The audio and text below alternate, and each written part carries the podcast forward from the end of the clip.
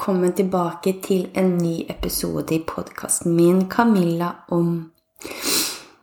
I dagens episode så har jeg faktisk eh, forberedt meg. Det høres jo ikke profesjonelt ut i det hele tatt at dette er én av 60 Er vi på andre episode som jeg faktisk har gjort en innsats med å forberede meg? Det er ikke det jeg mener, men Eh, jeg begynte først å skulle skrive en tekst, og så begynte jeg på denne teksten, kom et stykke, og så tenkte jeg at å, alt det her som egentlig kommer ned nå på eh, papiret, det er jo av betydning. Jeg syns at innholdet ble, ble, ble bra. Ehm, så jeg har lyst til å egentlig snakke litt rundt nettopp eh, den teksten. Men før det så kan jeg også si at bakgrunnen for hvordan denne teksten ble til osv., var jo fordi eh, jeg først i 2024 våknet opp med prolaps. Jeg har aldri hatt problemer med ryggen eller korsryggen eller egentlig sånn muskler og skjelett. Men eh, i år så fikk jeg også oppleve det på dagens eh, Eller årets første dag.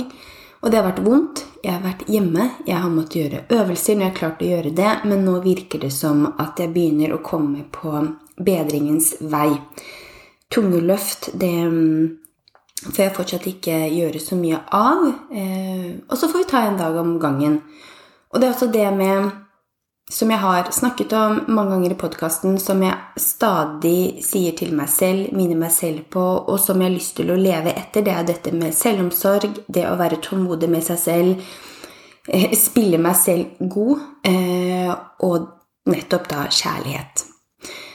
Og når man da har da fått en prolaps, eller man plutselig blir slått ut av en eller annen måte som gjør at man ikke får beveget seg, eller eh, egentlig bare vært den man vanligvis er, så gir du nettopp rom og mulighet til å tenke, reflektere, og så slappe av, ikke minst. Ligge på sofaen, se på TV, lese, skrive, hva enn man måtte gjøre. Og det er nettopp det jeg har gjort disse siste ukene. Um, og da kom det jo nettopp mye til meg når det kom til kjærlighet, meningen med livet, hensikten med livene våre, formål, at jeg snakket mye om dette i podkasten min. Og det er ikke noe jeg bare prater om og ikke forsøker, eller at jeg lever etter det. Jeg deler mye av det jeg tror på, og som jeg også tror kan gi andre der ute, og du som lytter, en bedre forståelse rundt deg selv at det gir en økt selvinnsikt, at du blir bevisst ting i livet ditt. Eh, hvis du selv da så klart er åpen for det å ta, å ta det imot. Men at du på en måte skal se på deg med et litt sånn ja, nysgjerrig øye. Så i alt det her av refleksjon og sånn, så fant jeg ut det at ja, jeg snakker mye om formål, jeg kan snakke mye om mening og hensikten med livet, men hva betyr det sånn egentlig? For på den ene siden så er du veldig sånn Jo, finne ut hva du liker å gjøre, hva som gjør deg oppglødd, hva som gir deg eh, motivasjon, hva som gjør deg glad, hva er den tingen eller de tingene som du kan holde på med i timevis. Eh, og du føler at du nettopp begynte, at du bare får en sånn åh, en driv og en lyst til å bare fortsette og fortsette og fortsette. Men så har jeg også kommet til det at jo, det er vel så viktig. Men er det to ting som kanskje er Ja, om ikke viktigere, men som på en måte kan være enklere å gjøre og praktisere eh, og øve på, det er to ting. Det er å la oss bli styrt av kjærlighet, og tilbake til det å nettopp gjøre mer av det som genuint gjør deg glad, oppløftet og motivert. For hvis vi klarer å si og bruke ordene og la ordene komme fra kjærlighet, hvis arbeidet og innsatsen vi gjør, kommer fra kjærlighet, og hvis avgjørelsen vi tar, kommer fra kjærlighet, så lever vi automatisk et målrettet og meningsfullt liv. Og vi kan jo se på det fra ulike vinkler, men hvis vi da ser det nettopp fra kjærlighetens vinkel, så blir det på en måte enkelt å leve et liv med hensikt. For i praksis så betyr det at vi velger å leve med kjærlighet i hvert eneste øyeblikk i løpet av dagen. Det betyr at vi nekter å akseptere noe som aktivt virker mot kjærlighet, og så ser vi etter nye måter å elske på, eller ja, være på, eh, fra et kjærlig perspektiv, eller fra på en måte en kjærlighetskilde.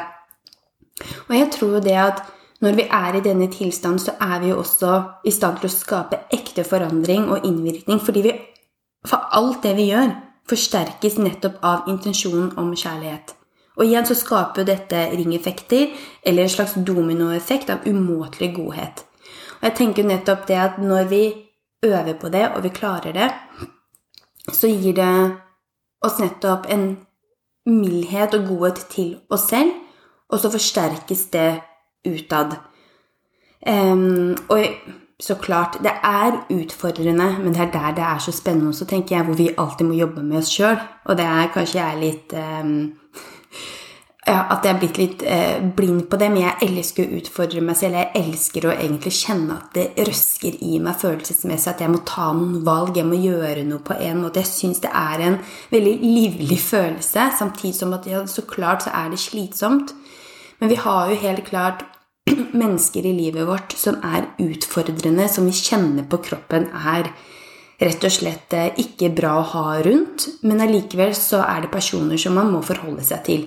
Det kan være partner, det kan være eh, kolleger, det kan være naboer. Det er på en måte personer og personligheter som vi på en måte eh, Jeg vil ikke si at man er nødt til å omgås dem. Man har alltid et valg. Hvis noe blir for tungt, så kan man jo faktisk bryte opp, bytte jobb, flytte, gjøre disse tingene. Men allikevel så er det mennesker som vi på en måte blir utfordret til å nettopp øve på å vise kjærlighet til og forståelse for, men ikke minst da gå inn i oss selv og gi oss den kjærligheten. At den personen eller denne situasjonen eller relasjonen eller hva det måtte være, skal ikke få kontroll over hvordan jeg skal ha det i min grunntilstand. Og da ser man jo hvor viktig det er, og hvor virkningsfullt det blir hvis vi alle da øver på å handle i kjærlighet og med kjærlighet. Og det høres jo klisjé ut, men klisjeer er jo for en grunn, ikke sant? Men et liv i kjærlighet blir jo da automatisk et liv med hensikt. Og i dag, mer enn noen gang, tenker jeg, så trenger virkelig verden å bli løftet opp av en sterkere frekvens og en energi, og ingen annen energi er sterkere enn kraften av kjærlighet. Og jeg er ikke eh, perfekt, eller et perfekt eksempel, og jeg øver, prøver og faller, vil jeg nesten si hver dag. Men jeg øver i hvert fall, og jeg prøver, og det er det viktigste. Jeg kommer alltid et steg fram hele tiden, og er det én ting um, som jeg har troa på, så er det jo nettopp kjærligheten er veien til alt godt. Det er der framgangen ligger. Så jeg vil jo aldri slutte å øve på å nummer én vise meg selv og gi meg selv den kjærligheten jeg er født med, og som jeg fortjener, og som jeg ikke skal gjøre meg, fort eller ikke skal gjøre meg fortjent til, blir det egentlig mer riktig å si. Men også det å skulle være imøtekommende, vise nestekjærlighet for de rundt meg, det er også en god ting. Jeg vil heller gjøre det og alltid øve på det enn å sette meg på rumpa og bare si 'nei, jeg gidder ikke mer', jeg orker ikke dette kjærlighetstøvet. Og, um, så jeg, jeg, lar det bli hva det, hva, hva det er. Og Nei, det er, det, men det er, min, det er min mening. Jeg tenker også det å ved å praktisere kjærlighet og takknemlighet på daglig basis, det være seg til oss selv, til meg selv, men også de rundt oss, så tror jeg vi også begynner å innse at alt det vi er så gode på å gi til andre, må og har vi all rett til å gi oss til oss selv også. Jeg har jo sagt før, og jeg vet ikke om jeg, skal, om jeg er uenig i det, eller jeg er litt sånn vinglete, men jeg tror helt klart at øh, hvis vi blir Hvis vi tenker bare på oss selv Jeg vet at jeg har sagt at vær deg selv først. Nei, lytt til deg selv først. Ta deg selv på alvor først. Alle disse tingene. Og jeg mener også det. Men man skal være rimelig bevisst eh, og ha selvinnsikt nok til å kjenne etter når det på en måte vippes til å bli egosentrisk, eller når man på en måte gjør det for å å på en måte være den beste utgaven av seg selv, om jeg skal bruke det begrepet. Det er litt rart, ja, men jeg bruker i hvert fall det nå. For hvis vi hjelper andre, eh, og veldig mange empatiske personer og veldig mange mennesker som bryr seg genuint om de rundt seg, de gir veldig mye av seg selv. Det faller en naturlig, idé å være seg nysgjerrige. Men de kan gi mye. Og så tror jeg det vil komme til et slags sånn metningspunkt hvor man i relasjoner til slutt kanskje oppdager at man gir og gir og gir, og man gjør det fordi man automatisk Det er bare sånn man er. Men så tror jeg det vil komme til et punkt der man blir sånn Oi, hva, hva gjør egentlig den personen for meg?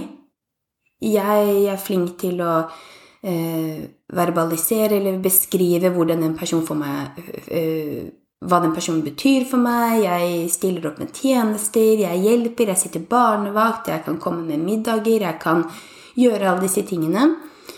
Og så kommer det til et punkt der man kanskje blir litt sånn Ok, men hva med meg? Hun, han er viktig for meg, men er jeg viktig for han eller henne? Og da blir det jo litt sånn at man kanskje Enten så blir man sånn Jeg gidder ikke Enten så, sånn, tenker, enten så tar man jo samtalen med den personen, kanskje. Er modig nok til å bare du ditt at Man forklarer øh, og øh, forteller hvordan man har det, og hvor på en måte disse følelsene kommer ifra. Man kan jo også for den saks skyld bare kutte ut helt og bare Nei, nå gidder jeg ikke mer. Fordi man begynner å handle ut ifra bitterhet eller at man er skuffa, lei seg osv. Eller man kan også begynne å se på det fra et ståsted der sånn Oi, jeg er jo så god mot alle de her. Det være seg vennskap, jobb, alle mulige relasjoner. Men hva med meg selv? Hvis jeg nå gjør litt mer av dette og gir dette til meg, hvordan vil det føles? Og det tror jeg man kan på en måte få litt mer sånn i fleisen hvis man da er veldig mye der ute, og så kommer det til et metningspunkt, og så begynner man å se innover Eh, på seg sjøl og begynner kanskje å tenke at åh, jeg vil jo gi dette til meg òg. Jeg er min beste venn, og er jeg ikke det, så skal jeg få jobbe for å bli min egen beste venn. Jeg vet ikke om det gjorde det forståelig, men bare Ja, jeg tenker at det, det vil på en måte Det å ta vare på oss selv, behandle oss selv med respekt og mildhet og kjærlighet, forståelse, tålmodighet og nysgjerrighet det er ikke noe vi skal gjøre oss fortjent til, det er noe vi er født med. Og det å hele tiden forberede vennskap vi har med oss selv, ehm, det er jo alfa og mega. Vi lærer jo ikke dette på skolen. Selvomsorg, livsmestring, medfølelse, takknemlighet, det er jo ikke noe vi lærer på skolen. Og kanskje det offentlige utdanningssystemet ikke eh, skal ha dette som oppgave heller. Men alt dette er noe vi lærer ved å gi gi på en måte en selv muligheter, men også ikke minst det å gå livets skole. Men det hadde jo også vært ja, litt greit om vi fikk noe input fra skolen også, da. Eller Men vi vil jo ha robuste og empatiske samfunnsborgere. Det er i hvert fall sånn jeg det er i hvert fall sånn sånne medmennesker jeg har lyst til å ha rundt meg, og det er også det jeg prøver å oppdra barnet mitt til å bli. Men for at jeg skal lykkes med det, og for at vi alle sammen skal lykkes med dette, så må jo arbeidet starte med oss selv. At foreldre og andre omsorgspersoner går i mesjen og viser hva det vil si å ta seg selv på alvor, lytte til kroppen, gi kroppen det den trenger av næring, sosial kontakt og alenetid. Og ikke da for å nevne eller politikerne våre, som kanskje er de mest viktigste, eller nest viktigste, blir det kanskje, for det er alltid mor og far eller din som er nærmest barn, som er de viktigste omsorgspersonene. Men politikerne våre er jo det nest viktigste omsorgspersonen et land kan ha. Vi alle har et ansvar å ta vare på selv og ta vare på menneskene, dyrene og jorden vi bor på. Men hvis ikke vi vet hvordan vi skal praktisere selvomsorg, hvordan skal vi da hjelpe barna våre med det? Og hvis man tenker da Våre folkevalgte bør jo bli valgt ut fra deres sjeler, hoder, utdannelse og personligheter de har. Personer som vi ser opp til, personer som viser et mangfold, som er forbilder og rollemodeller for oss alle. Og personer som skal jobbe for landets utvikling, og samtidig bevare tradisjoner, kultur og et lands særegenheter. At politikerne våre ja, de vi velger, da skal inspirere oss til livsmestring og et ønske om å leve og ikke bare overleve. At sånn Det er demokrati. Vi skal ikke være en, eh, Jeg vet ikke en, Bare en ressurs eller et tall i mengden eller et eller annet som bare skal bygge opp kapitalisten. Vi skal være mennesker som liker å leve, som har lyst til å leve. Jeg vet ikke, men Nei. Det, er i hvert fall også sånn jeg, Nå hoppet jeg veldig fra, fra, kjærlighet og til dette med demokrati og Men liksom, det ramler ned også så mye. Uh, og det er en fin hypotese å egentlig ha, da. Men som man også vet, at alt som handler om mennesker og um, osv., det er jo veldig vanskelig å egentlig få realisert. For vi alle mennesker er forskjellige. Men det vi vet, er jo at vi alle mennesker har jo de samme grunnbehovene og basisbehovene. Men jeg tenker i hvert fall at eh, politikerne hadde nok eh, klart å styre både et land mye bedre om de hadde tatt seg selv på alvor og mm, tatt arbeidsoppgavene deres på alvor og følt kanskje på en større yrkestolthet uten det å på en måte la ego styre. At de faktisk hadde Ja, at de hadde kommet mer inn på sin spirituelle side og vært nysgjerrig på seg selv eh, og befolkningen i landet. Men eh, vi kan jo ikke på en måte klage på politikerne våre eller de folkevalgte eh, hvis vi ikke klarer å utfordre og Eller utfører dette selv. Nå ble det mye, mye der. Men sånn er det. Sånn er det kanskje når man liksom er hjemme. Man tenker, man skriver. Man, eh, man reflekterer over livet. Kanskje man syns litt synd på seg sjøl. Jeg vil ikke si at jeg syntes synd på meg selv, men det er jo ufattelig frustrerende å plutselig skulle bli litt sånn eh, funksjonshemmet. Eh, at man ikke får gjort det man eh, vanligvis gjør i hverdagen, osv. Og, og jeg vil jo påstå at jeg er en litt sånn utålmodig sjel, men det er derfor jeg også har gitt meg den tiden nå mens jeg har vært hjemme og ta øvelser som skal bedre ryggen, gi meg selv den forståelsen og omsorgen, selv om det noen dager har vært sånn ah, irriterende. Men jeg stadig minner meg selv på hva som er viktig, og det viktigste er helsen. Um, men um, ja. Tilbake til kjærligheten. Så jeg har skrevet ned noen punkter. Og kanskje en litt sånn utfordring til både meg, men også alle at vi kanskje skal forsøke å eh, denne onsdagen, om ikke vi skal si hele 2020, 2024, å utfordre oss med å leve med kjærligheten og velge kjærlighet. At vi f.eks. velger å tenke med kjærlighet. At vi velger å snakke med kjærlighet. At vi velger å handle med kjærlighet. At vi velger å ta avgjørelser med kjærlighet. At vi velger å stå opp for det som er riktig med kjærlighet, og at vi velger å gå videre med kjærlighet. Og så da tenker jeg at hvis man nettopp velger kjærlighet, og vi har fokus på nettopp dette, så vil vi alltid, eller aldri glemme formålet, hensikten og meningen med livet vårt. For det vil gi så mye tilbake. Og det vil bare gi mer vi vil øke som sagt frekvensen, energien, og vi trenger det. Alle mennesker trenger det. Jeg håper dagens episode gjorde noe bra for deg, at det fikk deg til å reflektere. At det ikke ble for mye babbel og snakk. Jeg blir, eh, som du og dere vet, veldig engasjert når det er noe som enten inntreffer, og jeg får bare en sånn idé, eller jeg ser for meg noe som jeg bare prøver å få det ut med en gang, ellers så glemmer jeg det.